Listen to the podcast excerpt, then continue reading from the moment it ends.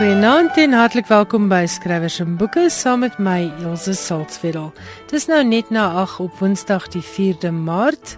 Jy is aangeskakel op RSG 100 tot 104 FM en miskien is daar mense wat aanlyn saamluister op ons webwerf by www.rsg.co.za.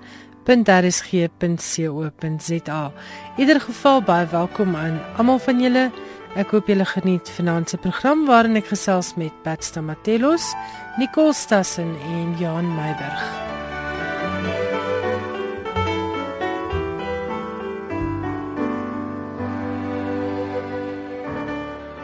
Ek gesels vanaand telefonies met Pat Stamatelos. Sy is natuurlik baie bekend as skrywer baie geliefd, die skrywer van onder meer Cruise en Pat het 'n nuwe boek op die rak, My groot vet Griekse egskeiding. Pat, baie welkom by Skrywers en Boeke. Baie dankie, Ilse. Ek en jy gesels natuurlik volgende week by die Stellenbosch se woordfees ook oor my groot vet Griekse egskeiding. So ons gaan nou nie vanaand al die ape uit die mou uitlaat nie. Maar vertel vir ons so 'n bietjie waaroor gaan my groot vet Griekse egskeiding? Weet jy dit gaan oor 'n Griekse man, Archie, Hy is getroud met Polly en op 'n dag um, raak Archie net weg. Polly kom by die huis en sy word ingelig deur haar huishulp dat uh, Archie het weggeloop saam met 'n saam met 'n vrou in 'n 'n rooi motor. Uh, niemand weet waar hy nie. Archie het niks gesê nie. Sy tasse gepak en hy's weg. Nou is dit meer as 'n jaar later en Polly het uiteindelik besluit wel of 'n mens is getroud of jy is nie getroud nie. Op die oomblik is hulle nie getroud nie want Archie is nie daar om die huis met haar te deel nie en sy het aansoek gedoen vir egskeiding. Maar Archie dag ook nie op vir die vir die hofverskyning nie. En dit is meer of min die trant van die van die storie, dis die soektog na Archie as ware totdat hulle nou later aan besef maar Archie is heel waarskynlik dood, maar wie het hom doodgemaak, hoe sy dood en waar is sy, waar is sy begrawe? niemand weet nie. Dit is eintlik waaroor dit gaan. Ja, in die boek begin nou eintlik waar sy in die hof of uit die hof uitkom, woedend kwaad vir Archie wat nie opgedaag het nie. En die boek is baie snaaks. Dit is regtig komies. Daar is ook 'n ernstige element met die hoofkarakter wat so bietjie op op 'n selfontdekkingstog is. In die boek het Archie hierdie Griekse man wat 'n regtig komiese karakter is, maar ook op 'n manier 'n patetiese karakter is hierdie obsessie met sy hare. En dit lei tot baie van die gebeurtenisse in die boek. Vertel gou waar het hierdie idee om 'n hoofkarakter te skep wat hierdie neurose het, waar het dit vandaan gekom? Wel, dit het, dit het gekom van hierdie man wat ek ken en ek het altyd gewonder wie sy hare vir hom nou blou draai. Of dit nou hy is en of dit sy sy vrou is en ek ken die man nou al lank al met die jare word die hare al hoe minder en minder. En ek die idee toe by my opgekom ek wonder of of 'n man neurose ontwikkel soos die hare nou uitval of mens nie 'n storie daaromtrent kan maak nie. 'n man wat 'n absolute obsessie het met sy hare en uh, wat van sy vrou? Gaan sy vrou nie ook daaronder lê nie. En dit is dit is hoe die hoe die hele idee pos gevat het. Archie is Grieks en Polly is Afrikaans en dit herinner so 'n bietjie aan jou eie lewe. Jy was baie lank met 'n Griek getroud so is daar biografiese elemente in my groot vet Griekse egskeiding? Weet jy nee, dit is nie werklik biografies nie. Miskien weet ek net hoe die Grieke praat, ook nou nie almal dit is nou om te veralgemeen, maar uh, hoe van die Grieke praat en hoe hulle partytjie reageer en reageer op op op nuwe goed en as hy nou soos Archie so regte stons Griek is hoe hy sou reageer op op Afrikaanse boeke. Kyk, hy het nou 'n boekwinkel gehad, né? Hoe hy hoe hy sou reageer op op uh, op die Afrikaanse boeke. Ehm um, nee, daar is niks niks biografies omtrent omtrent die storie hoegenaamd nie, hoor. Gelukkig het ek nou nie 'n aardjie in my lewe gehad wat uh, weggeraak het of wat of 'n obsessie met sy hare gehad het nie. Of 'n obsessie met sy hare gehad het nie. Wat vir my baie interessant is van jou werk is hoe uiteenlopend jy kan skryf. Van die baie ernstige, baie aangrypende kruis waarmee hy gedebuteer het, val van die duis wat daarop gevolg het, die pastoor wat werklik 'n boek was wat 'n mens nie maklik gelees het aan nie, tot nou hierdie tong in die kies, lekker prettige my groot vet Griekse egskeiding. Waar kry jy jou idees vir die stories en hoe kry jy dit reg om so lekker te wip tussen die verskillende genres? Weet jy, ek dink van van Cruise tye af. Ek Cruise was ook maar nie 'n maklike boek nie, maar daar was tog humor in gewees. Dit is my vreeslik moeilik om iets swaar te skryf sonder om die humor in te bring of iets te skryf met humor selfs my vier begrafnisse en 'n en 'n troue was meer humoristies geweest, maar tog daar was ook um, die dieper kant daarvan geweest. Ek weet nie wat om vir jou te sê nie, dit is maar iets wat natuurlik van wat wat natuurlik kom ek is self 'n leser en ek weet ek wil ook nie iets sê wat so swaar is sonder daarom so so tikkie humor nie en en ek probeer dit dit najaag in my boeke. En ek lei af jy het 'n lekker sin vir humor. Ek het verlede week toe ek en jy gesels het by Graffiti lekker gelag vir van jou antwoorde. Waar kom dit vandaan? Weet die sin van humor is seker maar te danke aan my pa. My pa was so tergewend geweest. Sy humor was baie goed en ek sien dit ook deurkom vernaamlik in my seuns, my dogters ook, maar vernaamlik in my seun. En ek dink dit is 'n baie goeie eienskap. Dit help mense so 'n bietjie deur die lewe as jy as jy lewe swaar trek. Ek wil net terugkom na Cruz. Jy het gedebuteer op 'n redelike hoë ouderdom met Cruz. Maar dit beteken nie Cruz het toe eers ontstaan nie. Die die boek het 'n storie. Ja, weet jy Cruz het daarom lank in die laai gelê. Ek het, ek het dit oorspronklik ingestuur en nadat so 'n paar keer heen en weer gegaan het en oorweeg was vir publikasie het hulle besluit dit is te te ehm uh, te breingebonde uh en uiteindelik het ek maar die cruise gebeere en dit was gebeere vir 20 20 jaar. Ek was in my 30er jare toe daarmee begin het op die op die Olivetti en na 20 jaar het ek eendag was in 'n gesprek betrokke met uh met iemand wat ook uh, iemand afgestaan het aan die dood en ek het toe weer gedink aan Kroes en besluit miskien moet ek maar die manuskrip uithaal en kyk of ek dit nie weer gaan deurwerk nie. Ek het toe agtergekom Kroes was geskryf met heelwat woede. Ek kon verstaan eintlik dat die boek destyds afgekeur was. Ehm um, maar weet jy, terugskouend is dit ook miskien 'n goeie ding. Ek het ek het dit al gesê want miskien sou ek my op die eiland saam met Mandela bevind het destyds.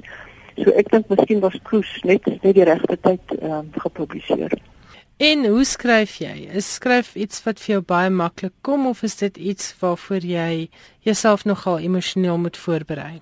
Dit hang af wat ek skryf. As stoor was nou 'n emosionele ding om oor te skryf, baie emosionele ding, maar in Kroes ook miskien, maar Kroes het ek nou geweet waaroor ek skryf en en val van die daai soop, dit was ehm um, gedeeltelik op my lewe gebaseer, so dit was maklik ek kan nie sê dat ek dat ek skryf so moeilik vind nie. Skryf is sommer lekker.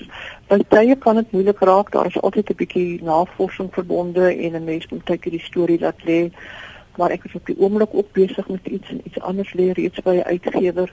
Ehm um, ek is 'n tamelike vinniger skrywer. Ek kan nie sê dat dit te moeilik is nie. Ek dink ek put meer genot daaruit as wat as wat as wat ek sweet oor 'n boek. Jy is 'n baie produktiewe skrywer. Jy het 'n hele klompie boeke in die laaste paar jaar gepubliseer, maar lees jy ook? En wie se werk geniet jy om te lees? Ja, ek lees ek is vreeslik lief vir lees. Om iemand nou te noem is is is eintlik bietjie bietjie moeilik. Ek lees uh, baie wyd. Karl Skuban is is beslis 'n uh, 'n gunsteling. Maar daar's ander wat ek ook lees soos uh, Amy Tan en ek het nou onlangs het ek 'n boek gelees wat gegaan het oor die oor die Griekse burgeroorlog van jare gelede. En dit was vir my iets verskrikliks geweest, maar ek het dit vreeslik geniet. Ag en daar is ander boeke, maar ek met 'n Afrikaanse skrywer snoep, dan sou dit definitief Karel Skuman wees. Ek geniet hom geweldig baie. Jy was lank met 'n Griekse man getroud en jy het die Griekse kultuur omarm. Jy het geleer Grieks praat. Julle kinders het Griekse lesse geneem om die taal goed te kan praat. Hoe het jy jou kontak behou met Afrikaans en die Afrikaanse letterkunde? Weet jy dit dis eintlik vir my baie moeilike vraag want ek ek moet erken destyds het ek nie veel Afrikaans gelees nie. Ehm um, ek het meestal Engels gelees in die huis was was die taal uh meestal Engels gewees met my man en hy het Grieks met die kinders gepraat, die kinders met hom. So dit was seker maar 'n stryd geweest om dit te kan behou. Ek is nie seker wat ek vir jou moet sê hoe ek dit behou het nie, maar ek dink dit is meer 'n liefde vir die taal. Ek dink as 'n mens daardie liefde behou, dan kan jy dit onmoontlik nie verloor nie. En ek het dit natuurlik met my kinders gepraat en en my kinders met my. En so gesels Pat Stamatelos oor haar jongste boek, My Groot Vet Griekse Egskeiding. Dit het pas by Umutsi verskyn en kos R180. En as jy sou belangstel, ek gesels volgende Woensdag die 11de Maart by die Stellenbosse Woordfees met Pat oor My Groot Vet Griekse Egskeiding. Die gesprek duur 50 minute en dis werklik 'n kans om Pat as skrywer beter te leer ken. Dis Woensdag die 11de Maart om 4uur in Erfurthuis besprekings daarvoor by Computicket. Pretoriaaners moet nou hulle ore spits. Julle het twee wonderlike boekgeleenthede soms so binne 2 dae van mekaar in Maart. Die eerste een is 'n kuier saam met Corneels Breitenberg en Dion Opperman. Nou Corneels is natuurlik die skrywer van Esther wat so einde 2014 bekend gestel is. En hy's ook die skrywer wat Donkerland, Hartland en Kruispad, Dion Opperman se televisiedramas in boeke omskep het. Willie Burger gaan met Kerneels gesels oor Esther en Dion Opperman gaan gesels oor die trilogie. Musiek word gemaak deur die bekroonde musikant Janine Neetling. Hierdie geleentheid vind plaas op die 24ste Maart 2015 om 10:00 die oggend Die prys is R80 en dit sluit koffie en tee in en dit vind plaas by die Atterbury Theater in Linwood, Pretoria. Dit is 'n geleentheid wat aangebied word deur die Mabel Malherbe Leeskring en dit is volgens Anna Strydom wat vir my hiervan vertel het, die groot gesamentlike byeenkoms van al die leeskringe in Pretoria en ook 'n spesiale viering van Mabel Malherbe leeskring se 75ste verjaarsdag. So kaartjies is by CompuTicket of jy kan 'n e-pos stuur na info@atterburytheater.co.za. Dit is vir die geleentheid waar Kneels Breitenberg, Dion Opperman en Janine Neetling sal optree die 24ste Maart om 10:00 die oggend in die Atterbury Theater in Linwood.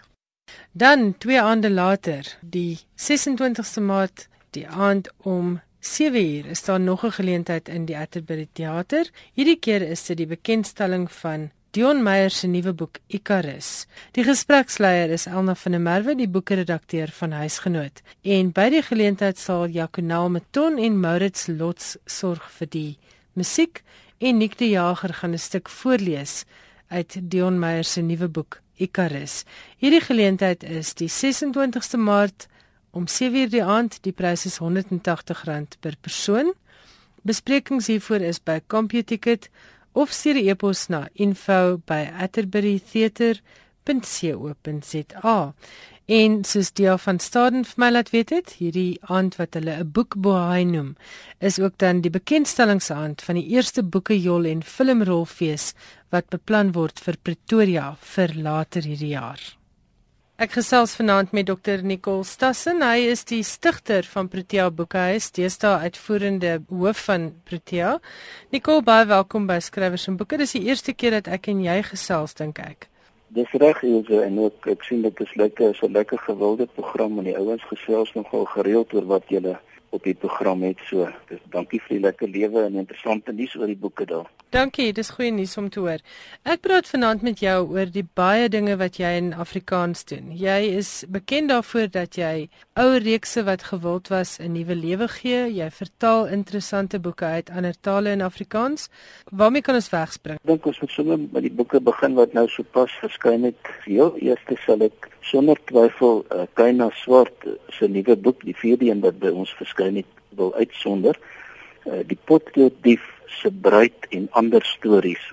Dit is die eerste versamel rubrieke van Kaina wat by ons verskyn en ek moet sê ek dink dit gaan nogal besonder gewild wees.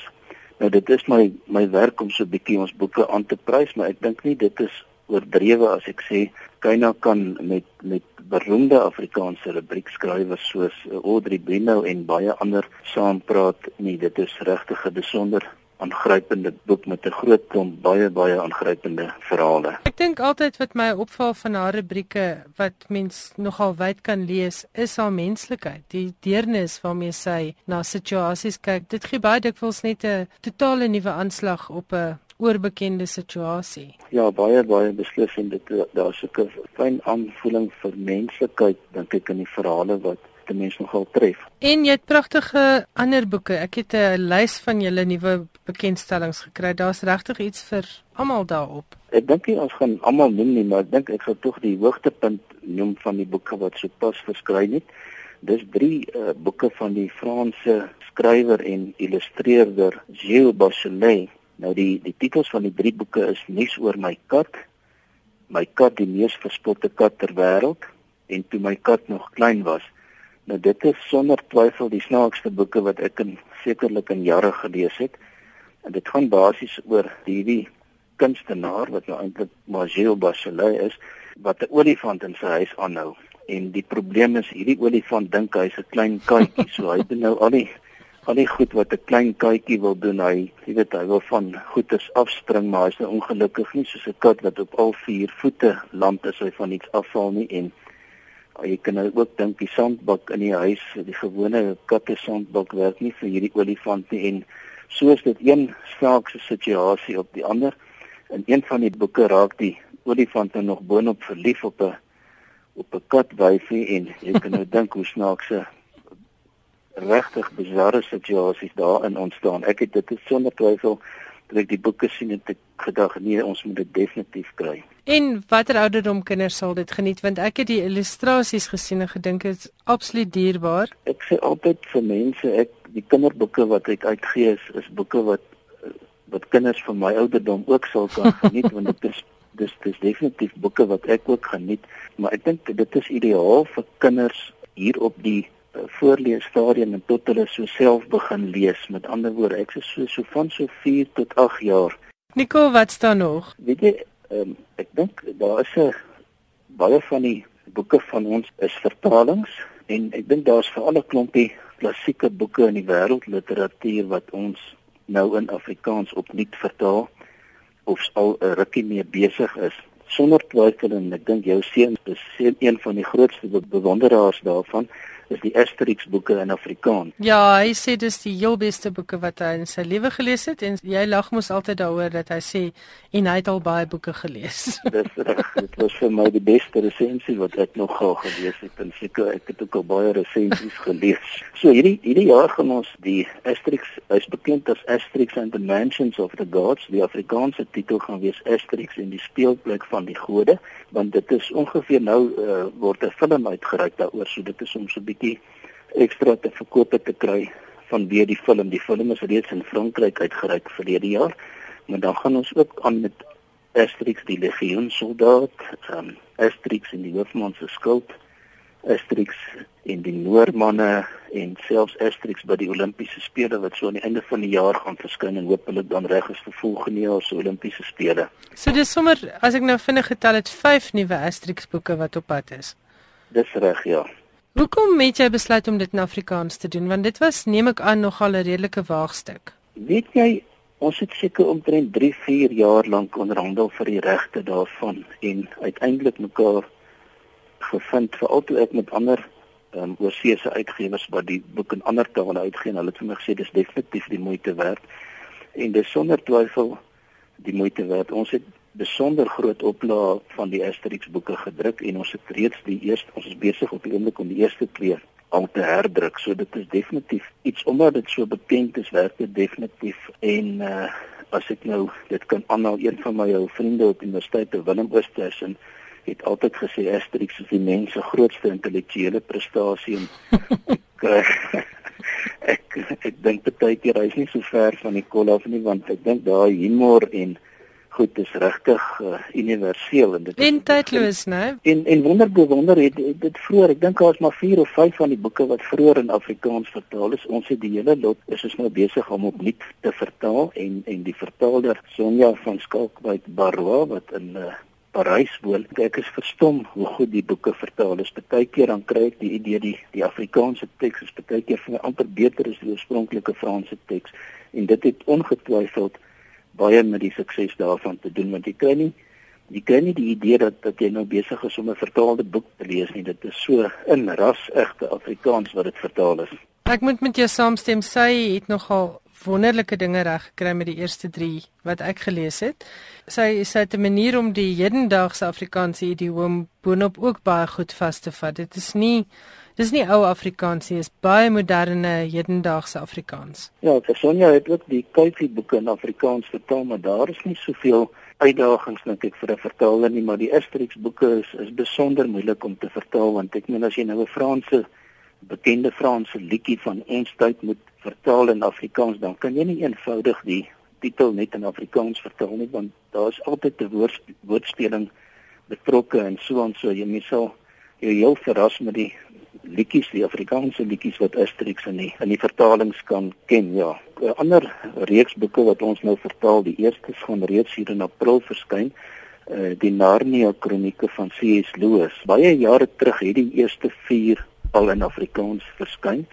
Ehm so ons gaan heel eers nommer 5, 6 en 7 in Afrikaans uitgee en dan 1, 2, 3 en 4 maar hulle word almal opnuut vertaal. Uh, vroeger was daar mense soos Andre Brink en die Leende Villiers en nog ander wat dit in Afrikaans vertaal het, maar ons het gedag ons wil dit graag in 'n eenvormige vertaling hê want dit is net minder steurend so. Ek dink dit is definitief ook van die boeke wat ons wat die meeste gaan uitsien hierdie jaar. Uh die eerste, die drie is in April op die rakke en die die ander sal die teen Oktober op die rakke wees. Hulle sal so almal saam verskyn. Goed, en wie is die vertaler? Ken ons hom? Of Ja, dit is Kobus Geldenhuys wat al geweldig baie boeke met baie groot sukses in Afrikaans vertaal het. Ek dink hy het ook van die Harry Potter boeke vertaal sommige ja. van hulle en uit vir ons by Protea Boekhuis van die Cressida Verwelboeke, ehm um, hoe om jou draak te tem. O ja, uh, ja. Ons ses boeke in Afrikaans vertaal en ek, ek is net verstom met met sulke mense se natuurlike aanleg om daai boeke in lekker Afrikaans te vertaal. Ja, want dit is vir jong lesers, né? En uh, en 'n jong leser is nogal 'n kieskeurige leser. Uh, dit is so want ek meen nou jy kompeteer met baie ander dinge wat hulle aandag uh, kan aflei. Ehm um, al is dit goed op hulle selfoon of op die TV of wat ook al en as jy nie hulle aandag vasvang en hulle boei nie gaan hulle baie vinnig daai boeke neersit en ek dink daarom die boeke is so besonder goed geskryf dat dat dit nie sommer gaan gebeur nie. En dan het dit 'n verrassing vir so aan die einde van die jaar sal van David Walliams se boeke begin verskyn in Afrikaans. En hy is seker vir daai ouderdom naas die daardie vir Wimpy Kid boeke is hy seker die heel grootste skrywer in Engeland en die eerste twee boeke wat ons die Afrikaanse vertaling van gaan laat verskyn gaan wees Gangster Granny en Rat Burger. Ek is nogal baie opgewonde en dit is ook regtig baie snaakse en onderhoudende boeke. Ek dink met sulke boeke wat vandag beskikbaar is, dink ek nie daar's 'n verskoning vir 'n kind om nie te om nie te lees nie. Ja. En jy raak aan 'n belangrike punt. Ek dink kinders wil ontsnap as hulle lees. Hulle wil heerlike fiksie lees. Hulle wil nie sedelessies ja. en dinge lees nie en ek dink dit is ja, waar ja, boeke soos hierdie belangrik is. Ehm kinders wil dit geniet en so jy moet vir 'n lekker boeke gee om te lees, jy weet ek kry baie keer van hierdie boeke wat ek baie keer op in in uh, boekwinkels sien is vir my ongelooflik prekerig en altyd te gekla oor kinders wat met dwelms betrokke is of mm. wat vigs het of een of ander jy weet 'n pa wat drink of wat ook al. Nou ek dink daar is 'n plek vir sulke boeke sonder twyfel, maak nie 'n fout nie, maar ek dink jy moet dan ook 'n bietjie boeke vir kinders gee wat hulle kan geniet en nie net altyd seere lesies wil inwerk nie. En dan ander plaaslike skrywers na wie se werk ons kan uitsien? Wel, ek kan nou so 'n bietjie spog, um, my eie boek oor die Dorsland trek, dis so meer as 10 jaar se navorsing. Dis uh, hier oor die 700 bladsye, die Afrikaanse Die boek het sopas verskyn en die Engelse een verskyn so in die tweede helfte van die jaar en ek dink dit gaan nogal ek het dit persoonlik baie geniet en daar is regtig daar duisende afstammelinge van mense wat op die Dorsland trek was wat nog vandag leef. So vir die eerste keer dink ek word die hele verhaal van begin tot einde vertel en uh, ek dink dit is so 'n aangrypende verhaal dat dat uh, 'n leser sekerlik nie anders sou kan as om geboei te wees daardeur nie. Ek wil graag met jou 'n aparte gesprek daaroor hê want ek dink dit is 'n een deel van ons geskiedenis wat regtig onderbelig is in die letterkunde. So, um, ons gaan binnekort daaroor gesels. Ja, met groot graagte en dan is 'n ander lekker boek wat ook in Afrikaans en Engels gaan verskyn en sekerlik uh, die voorwoord van die boek skryf Max de Pre daaroor dat Dirk Mars seker een van die grootste Afrikaners is van ons tyd en miskien selfs van alle tye en as jy die boek lees van Dirk Mars se herinneringe oor hoe Namibië jy weet begelei is op die pad na onafhanklikheid. Hy sal ek dink hy's uh, 86 op die oomblik. Die die mees verstommende is dat hy op daardie ouderdom hierdie baie baie onderhoudende en baie belangrike boek geskryf het.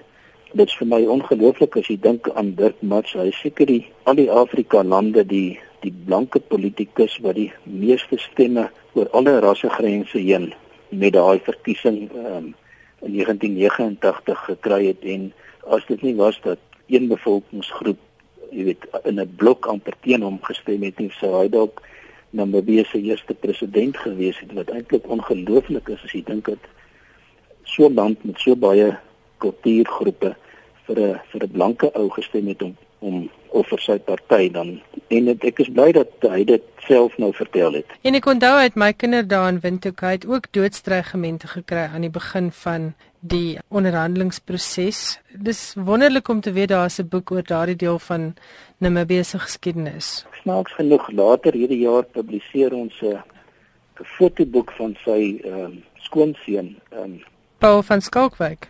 Paul van Skalkwyk met Paul se fotos wat hy vanuit die lug van met 'n vliegtuigie geneem het uit van Namibië en dit sal ook vir my 'n baie baie besondere boek wees want ehm um, dis nou net mooi 'n jaar gelede in in Maart uh, verlede jaar het, het Paul mos verongeluk ja. daar in Etosha met sy vliegtuig en ek dink dit sal vir my 'n besondere ding wees om hierdie mooi boek met sy ongelooflike fotos te publiseer. Paul, onthou ek was deel van die beginredaksie van die Republikein, die koerant wat uit die DTA ontstaan het.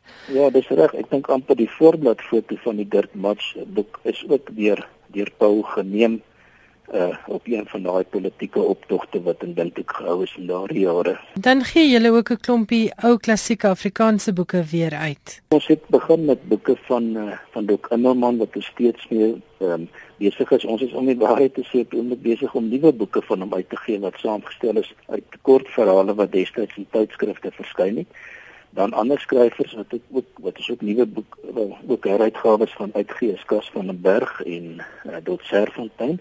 Maar dan is daar twee nuwe reekse wat ons hierdie jaar begin, ook met heruitgawes. Dit is die ondergewilde Karel Kielblok boeke, die Lafras Skyper boeke wat hier van April af gaan begin verskyn en dan ook die Jasper reeks jeugboeke wat ons ook gaan begin om die hele reeks ook hierdie jaar uit te gee. Ek wil vir jou vra met die Jasper boeke. Ehm um, het julle dit so bietjie gemoderniseer of is dit die heruitgawe van die oorspronklike boek? Weet jy, dit is altyd ongelooflik moeilike besluit om te neem. Eintlik die ongelooflike ding is net ten spyte daarvan dat sommige van daai boeke regtig baie baie lank gelede geskryf is. Jy weet daai eile die eile boeke is is al meer as 60 jaar terug ehm um, die heel eerste keer gepubliseer. As ons na ons e-boek verkope kyk, ehm um, as ons byvoorbeeld kyk na die top 16 boeke van Protea se boeke, 11 van daai 16 boeke is boeke in die eile reeks. Regtig? Ja, nou dit is vir my absoluut verstommend dat hierdie ouer boeke nog ons topverkopers op e-boeke is en dit dit, dit sit jou nogal aan die dink. Miskien is dit dan iets weer van daai fantasie want die kinders se wêreld nou lyk like heeltemal anders as hierdie verbeelde wêreld van ja. 40 50 jaar gelede. Uh, Dr. Marita Snyman het het baie navorsing gedoen oor sulke jeugboekreekse en sy sy het bevind dat kinders uh, voel nogal veilig om so 'n reeks te lees. Hulle voel baie geborge daarin en dit is hoekom dit so gewild is want hulle ken die karakters en die situasies en so aan. Nicole, baie dankie vir jou tyd. Dit was lekker om met jou te gesels. Geen net vir my julle webwerfadres want lesers gaan hierna hopelik boeke by dosyne bestel. nou ja, dis maar uh, as jy maar net www.proteaboekhuis.com in in tik Protea boekhuis een woord, dan dink ek jy sal wel met uh, Google daarby uitkom. Nou ja, danksy mense soos Dr Nicole Stassen en Protea Boekhuis is daar geen tekort aan interessante leesstof in Afrikaans nie. Die webadres vir Protea Boekhuis net weer is www.proteaboekhuis.com. Johan Meiberg is nou by my in die ateljee met sy gereelde bydrae oor die internasionale letterkunde. Johan, baie welkom en baie dankie dat jy vanaand hier is. Baie dankie. Wêreldboekdag word môre in Brittanje en Ierland gevier. Eintlik word Wêreldboekdag amptelik op 23 April wêreldwyd gevier, maar die Britte het besluit om die eerste donderdag in Maart as die dag te gebruik omdat 23 April gewoonlik in die skoolvakansie val. Boonop is 23 April die dag van St George, Engeland se nasionale beskermheilige. 23 April is ook die dag waarop Miguel de Cervantes Inca Garcilaso de la Vega en William Shakespeare dood is, al drie in 1616. Die eerste Wêreldboekdag ingestel deur UNESCO is in 1995 gehou. Die oogmerk met die dag is om lees te bevorder, aandag te vestig op die rol en die verantwoordelikheid wat uitgewers het, asook die kwessie van kopiereg. In Londen alleen word 'n magdom aktiwiteite veral vir jong kinders aangebied. Dit sluit onder meer in voorlesings, ontmoetings met skrywers en illustreerders van kinderboeke, storievertelsessies en interaktiewe besigtigingstoere. En dan het jy ook nuus oor nog 'n aanslag op vryheid van spraak met 'n tragiese moord verlede week. Honderde mense het einde verlede week die strate van Dhaka, die hoofstad van Bangladesh, ingevaar uit protes teen die moord op die sekulêre Amerikaanse blogger en skrywer Avijit Roy. Sondag by sy begrafnis in Dhaka is die regering verkwalik dat hy nie die veiligheid van Roy kon verseker nie. Roy en sy vrou Afida Ahmed is verlede week aangeval op 'n besige sypaadjie op pad terug van 'n boekfees op die kampus van die Dhaka Universiteit. Ahmed het 'n vinger in die aanval verloor, maar Roy is in die aanval met machetes doodgekap. Die voorval het donderdag aand plaasgevind. Twee mans gewapen met machetes het op hulle afgestorm en na die aanval weer in die skare verdwyn. Die moordwapens is op die toneel gelaat. Die 42-jarige Roy was 'n Amerikaanse burger, maar het hom beywer vir vryheid van spraak in sy geboorteland, Bangladesh. Hy het 'n doktorsgraad in ingenieurswese in Singapore behaal. Hy was betrokke by internasionale protes teen sensuur van regeringskant en die aanhouding van bloggers. Hy was veral bekend vir sy skryfwerk op 'n webwerf wat hy vir andersdenkendes begin het. Oor sy menings het Roy van ondersteuners van Jamaat-e-Islami party doodstrygemente ontvang. Rokomari, 'n Bangladesh aanlyn diens, het opgehou om Roy se boeke te verkoop nadat die eienaar ook doodstrygemente ontvang het. Roy en sy vrou het op 15 Februarie in Bangladesh aangekom. Kort voor hulle aankoms was daar 'n dreigement op Facebook dat hy vermoor sou word sodra hy sy voet in die hoofstad sit. By die protesoptog Vrydag was daar oproepe dat geregtigheid moet seëvier en dat die houvas van fundamentaliste verbreek moet word. Roy is die tweede blogger wat die afgelope 2 jaar vermoor is. Dit was moslemgroepe wat na die moord op Ahmed Rajib Haider in 2013 aangedring het dat die regering moet optree teen wat hulle genoem het godslasterlike blogs. Die regering het 'n paar bloggers in hegtenis geneem en verskeie webwerwe gesluit. Dis regtig tragies. Dit is vir my 'n aanklag teen die mensdom dat vryheid van spraak se grense besig is om te vervaag en dat mense se lewens in gevaar begin kom hieroor. En dat die mense nie net meer verbaal aanvat nie, maar dat jy bereid is om hulle dood om, te maak. Om dood te maak. Van die tragiese na goeie nuus, jy het nuus oor 'n Johannesburgse skrywer wat met 'n internasionale toekenning vereer is. Ivan Vladislavic, skrywer van onder meer The Restless Supermarket, Portrait with Keys en Double Negative, is pas bekroon met die Amerikaanse Yale Universiteit se 2015 Wyndham Campbell Prys vir fiksie. Saam met Vladislavic is nog twee skrywers in die kategorie vereer, die Nigeries-Amerikaanse skrywer Teju Cole en die Nigeriese skrywer Elon Abila. Daar is ook nog 'n kategorie vir nie fiksie en een vir drama. Soveel as 9 ontvangers kan dus per jaar aangewys word. Die pryse is ingestel deur Donald Winham en Sandy M Campbell om die aandag te vestig op literêre prestasie en skrywers die geleentheid te gee om sonder finansiële kwellings hul beste te kan lewer. Met prysgeld van sowat 1,75 miljoen rand vir elke wenner is die Wyndham Campbell pryse van die ruimste ter wêreld en in van die kategorieë gewis die grootste. Aan Yale News het die 58-jarige Vladislavic gesê hy was 'n bietjie verdwaas om te hoor dat hy die prys ingepalm het. Ek haal hom aan, dis buitengewoon ruim en dit sal 'n besliste verskil in my lewe as skrywer maak. Ek is ook dankbaar vir die erkenning vir wat ek reeds gedoen het en vir die steun met die oog op dit wat ek nog wil doen, het hy gesê. En ek dink nie mense besef wat 'n groot verskil 'n beurs of 'n toekenning of 'n prys is hierdie aan 'n skrywer se angsvlakke maak nie, want jy is maar altyd bekommerd oor waar die finansiering vir hierdie tyd wat jy basies in jou eie wêreld spandeer waar die geld daarvoor vandaan dis, kom. Dis dis presies so. Uh, en en hy het ook aangedui dat hy tot dusver homself as vryskutskrywer uh, as dit ware aan die gang ja. moes hou. En jy kan nie noodwendig jou beste lewer as daar heeltyd 'n finansiële swaard oor jou kop hang nie. So van ons kant af ook baie dankie vir almal wat skrywers ondersteun. Hy het in 89 gepubliseer met Missing Persons, 'n versameling kortverhale, en in 93 het sy eerste roman, Die begolende The Folly, verskyn. The Folly is die verhaal van meneer en mevrou Malgas wat verstom getuies word van ene Nuwenhuisen wat op die oop erf langs hulle sin opdaag met 'n plan om 'n huis te bou. In 2011 het Vladislavik saam met die fotograaf David Goldblatt TJ Double Negative gepubliseer.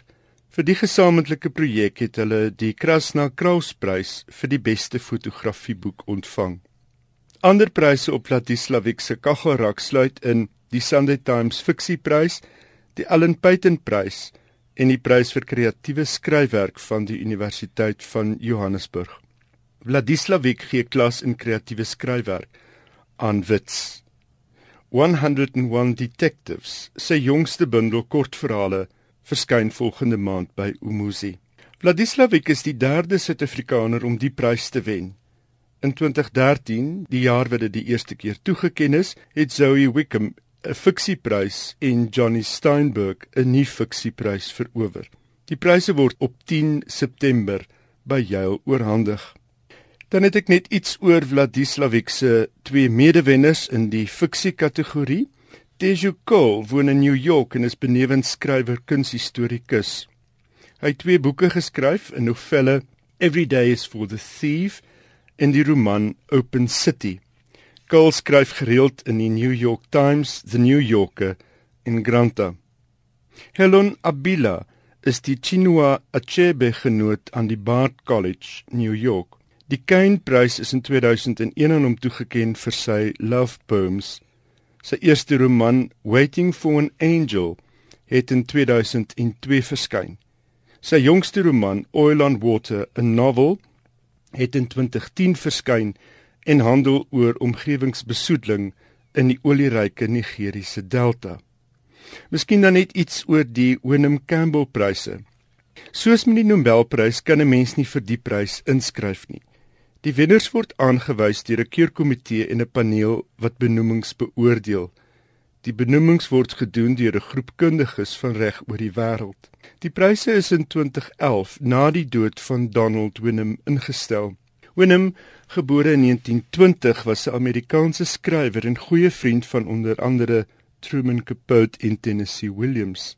Sy bekendste boeke is The Dark Star van 1950, 'n boek waaroor Thomas Mann hoog opgegee het, en Lost Friendships, 'n memoir oor sy vriendskap met Capote en Williams, dit in 87 verskyn. Wyndham en Sandy Campbell, wat gebore is in 1922, het in 43 ontmoet en die twee was saam tot en met die dood van Campbell in 88. Campbell het sy boedel aan Wynnum bemaak en die gedagte was dat hulle hulle bates na Wynnum se dood sal aanwend tot steun vir skrywers. Wynnum is dood in 2010.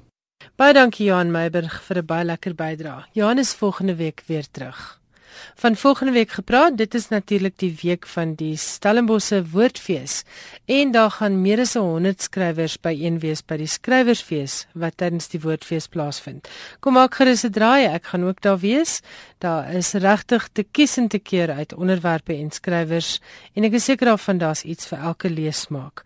Daar gaan ook 'n tent wees waar 'n mens boeke kan koop. Jou gunsteling skrywer kan die boek vir jou onderteken en daar's regtig baie pitkos vir almal wat lief is vir die Afrikaanse letterkunde.